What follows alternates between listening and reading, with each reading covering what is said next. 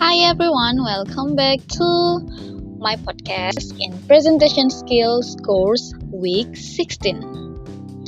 In week 16, we are learn about uh, make PPT online uh, and we record in Teams with rehearsed coach in uh, Microsoft Office. Yeah, and we are present uh, our presentation uh, online and we send our assignment in link OneDrive yeah.